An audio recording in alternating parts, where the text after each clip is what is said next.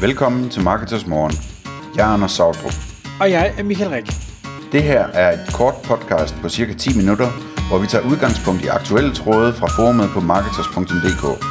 På den måde kan du følge, hvad der rører sig inden for affiliate marketing og dermed online marketing generelt. Hej og velkommen til Marketers Morgen. Klokken er endnu en gang blevet 6.00, og jeg har inviteret Lars Friis, partner fra MCB, i studiet for fjerde gang. Godmorgen, Lars. Godmorgen, Michael. Og øh, nu lover jeg, nu skal der nok gå lidt tid, inden jeg vækker dig så tidligere om morgenen igen, men jeg er glad for, at du gider stille op endnu en gang. Jamen, det er, det er sjovt at nørde altid, så jeg stiller gerne op.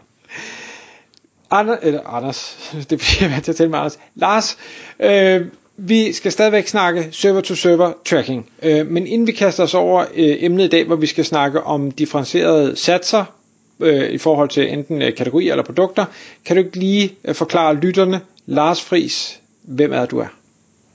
Jo, altså jeg hedder Lars Fris, og jeg arbejder ved MCB, og øh, jeg er partner og forretningsudvikler, og har arbejdet med e-commerce siden 2013, øh, så mange år efterhånden, og har arbejdet rigtig meget med data og alt det her server-side tracking det sidste års tid. Fantastisk. Men det vi skal snakke om i dag, med hensyn til differentieret satser, det hele det kommer så egentlig af, at der er rigtig mange webshops, øh, eller annoncører, så kan vi også kalde dem derude, når de arbejder med affiliates, så siger de, jamen, åh, jeg skal sætte den her sats, altså hvor, hvor jeg giver 1% af den omsætning, der bliver skabt væk i kommission. Men det er en udfordring for mig, fordi jeg har nogle produkter, hvor jeg nærmest ikke tjener nogen penge, og jeg har andre produkter, hvor jeg tjener rigtig mange penge. Så det er rigtig svært for mig at sætte en, en fælles sats for det hele, så hvad søren skal jeg gøre ved det? Og der tidligere har man været relativt begrænset i de fleste affiliate-netværk på, at man har måske kunne enten kun arbejde med en sats, eller alternativt måske kun en lille håndfuld satser. Men nu kan vi via Google Tag Manager og Service-to-Server Tracking pludselig begynde at arbejde med nærmest alle dem, vi har lyst til. Er det ikke rigtigt? Det kommer lidt an på, hvilket affiliate-program du arbejder sammen med. Altså et, et program som Partner Ads har eksempelvis øh, fire satser, øh, satsgrupper som deres limit, men det er lidt forskelligt, øh, hvor mange satser der er. Øhm, og man siger, alt det her det udspringer egentlig af, at vi har, der er en del af vores kunder, der har efterspurgt, når vi tracker i vores affiliate-program, så typisk så sender man bare en samlet ordre sted, som et ordernummer og totalbeløb på ordren.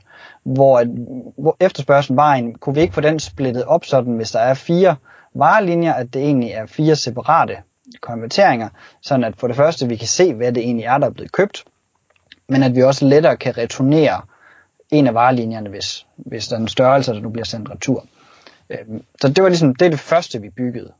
Og så ledte det ligesom videre til, at folk sagde, jamen okay, nu hvor jeg tracker en vare gangen, så vil jeg faktisk gerne give noget mere for den her varetype eller det her brand, og hvis det er det her brand eller den her ene produktlinje, men så vil jeg faktisk slet ikke give noget for den, eller meget lidt i hvert fald. Øhm, og så har vi ligesom udvidet det med, at vi også kan køre differentierede satser. Ja, og, og nu kan man sige, det kan man så jo gøre på produktniveau, men man kunne vel også, hvis man havde lyst, sige, at det skal være en, en på kategoriniveau, så bukser var en sats, og bluser var en anden sats, eller Ja, altså der er jo ikke rigtig nogen begrænsninger for, øh, for hvad, du kan, hvad du kan bygge det efter. Altså, jeg talte med en, med en kunde den anden dag, hvor at, øh, den løsning, de lavede, det var, at de gjorde det helt ned på produktniveau. Så de har simpelthen lavet et, en specifikation i deres, øh, deres webshop, hvor de på vareniveau kan skrive 1, 2, 3 eller 4, og så bestemmer det, hvilken affiliate sats det er. Så, så det var helt ned på det specifikke produkt. Øhm, jeg er i dialog med en anden kunde lige nu, som gerne vil gøre det på forskellige brands, fordi de har sådan nogenlunde fast avance altså på, fra et brand til et andet, øh, og gerne vil styre det på den måde. Øh, der er også en, jeg havde en dialog med en anden kunde, som gerne ville køre det på lagertyper, hvor de havde nogle varer, der var lagerførte, som de tjente flere penge på, og så var der andre, der var dropshipping. Og dropshipping ville de gerne give lidt lavere sats for. Så, så der er egentlig altså, forholdsvis, øh, altså, der er ikke rigtig nogen begrænsninger for, hvordan vi kan splitte det op. Øhm, jeg havde også en kunde, som, hvor behovet var, at der var et, der var et produkt i sortimentet, som de øh, nærmest ingenting tjente på, og der sad de faktisk manuelt, hvis en ordre indeholdt det produkt, så annullerede de bare hele ordren. Hvor de sagde, kan, kan I ikke lige hjælpe os med at sige, at de får 1% i kommission i stedet for? Jamen, så er det bare det ene varenummer, vi kigger efter. Øh, og sådan sorterer den ud automatisk, kan man sige. Okay. Men, men hvis jeg hørte dig rigtigt, så siger du, at, at uagtet at man kan lave ubegrænsede variationer via Tag Manager, så er man stadig lidt afhængig af, hvor meget det pågældende netværk, man arbejder sammen med, tillader. Ja. Ja, okay. En anden ting, du nævnte, som jeg synes var, var super spændende, og det er så måske mere set med, øh, selvfølgelig set med annoncørens øjne, men også set med affiliates øjne, det er det her med pludselig at vide, hvad er det for nogle specifikke varer, der er blevet solgt. Og grund til det er, at, at tidligere har det været sådan som affiliate, der ved du, okay, jeg har skaffet ordre 20.119, og det har givet det her beløb. Og det var det, man vidste. Og, og det er ret begrænset. Det er i hvert fald svært at arbejde ud fra og gøre noget bedre eller dårligere ud fra det, fordi man ved faktisk ingenting. Nej. Øhm, og, og nu kan du så pludselig sige, jamen du har solgt øh, et, et par kobberstøvler med øh, metalsnude og, og spore i en rød øh, størrelse 43, så, og fedt, så kan det være, at vi skal prøve at sælge nogle flere af dem. Ja, altså, og der hvor det her det virkelig er relevant, det er jo, altså, vi, vi ser jo rigtig mange af de her testartikler, affiliates de laver, altså de 20 bedste plæneklipper. Så er det meget rart at vide, hvis det er plæneklipper nummer 16, som faktisk er den folk køber, så kunne jeg godt overveje at flytte den op som nummer 1 i stedet for. Og så får du meget mere viden om, hvordan du skal prioritere dine forskellige produkter. Det er det ene element. Det andet element, som jeg, og det, der tænker jeg primært på Amazon, fordi nu har jeg været affiliate for Amazon, og, og det sjove er, at lad os nu sige, at jeg har en plæneklipper øh, site, og, og linker ind til en plæneklipper på Amazon, og så kan jeg jo så se i Amazons system, at jeg har så solgt øh, garn og skinker og øh, flyrejser og alt muligt andet, hvor bare tænker, hvordan kom det fra? Og det er fordi Amazon så er god til at konvertere dem til noget andet, men man kunne risikere det samme på en, en webshop og sige, det kan godt være, du reklamerer for plæneklipper A, men de køber faktisk plæneklipper B. Og så kan det være, at det er den, man skulle med på sin liste, i stedet for, fordi det af en eller anden grund tiltaler kunden mere, end, end den, man har valgt. Ja, det er du ret i. Øhm, hvordan er det med, med de her informationer, øh, hvor affiliaten får det i det netværk, øh, hvor, hvor de har deres konto? Øh, er, er det noget, der bliver tilbudt lige nu, eller er det noget, noget fremtidsnød? Jeg synes ikke, jeg har set det ret mange steder. Altså, det vi anbefaler, det er, at man, man tilføjer det til sit produktfeed også at du, på, altså, at du simpelthen ud fra hver produkt skriver, øh, hvilken sats det er. Så hvis der, er, hvis der er fire forskellige kategorier, så tilføjer man altså 1, 2, 3, 4 i produktfeedet.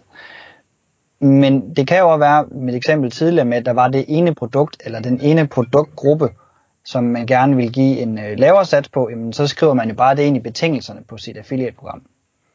Eller at hvis der er tre brands, hvor man giver højere på dem end alle de andre, så vil jeg også bare skrive dem ind i betingelserne på programmet. Altså mere kompliceret behøver det ikke at være.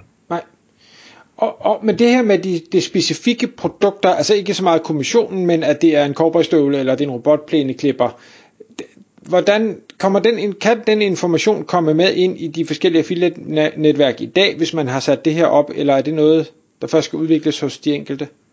Det kommer an på, hvilket, øh, altså, hvilket program det er.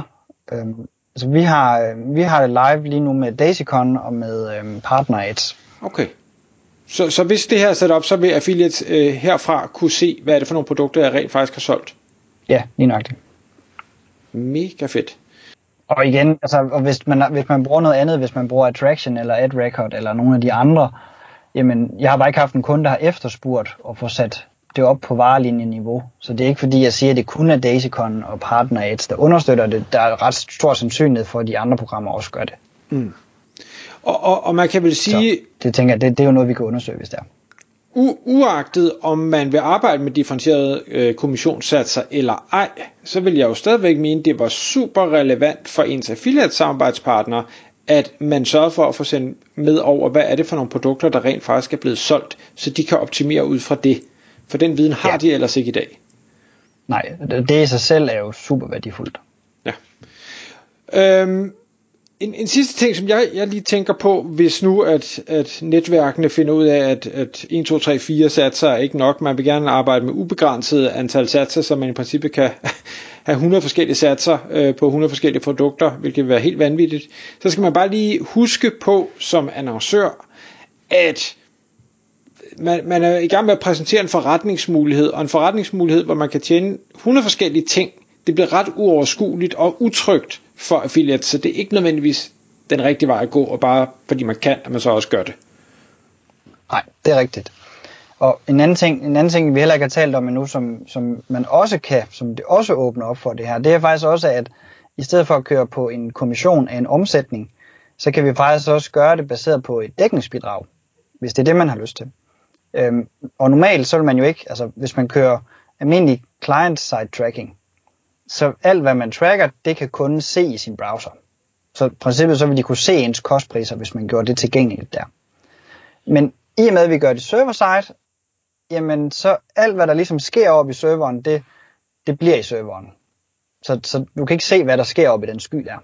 Så der er ikke noget i vejen for, hvis, hvis der er en kunde, der gennemfører en ordre, og vare planklipper A er blevet solgt for 1000 kroner, så kan jeg godt lave et opkald i min server til et feed med kostpriser i og se, hvad er kostprisen? Den var 600 kroner. Okay, så 1000 minus 600. Jeg tracker 400 kroner i kommission, eller i omsætning den her vare.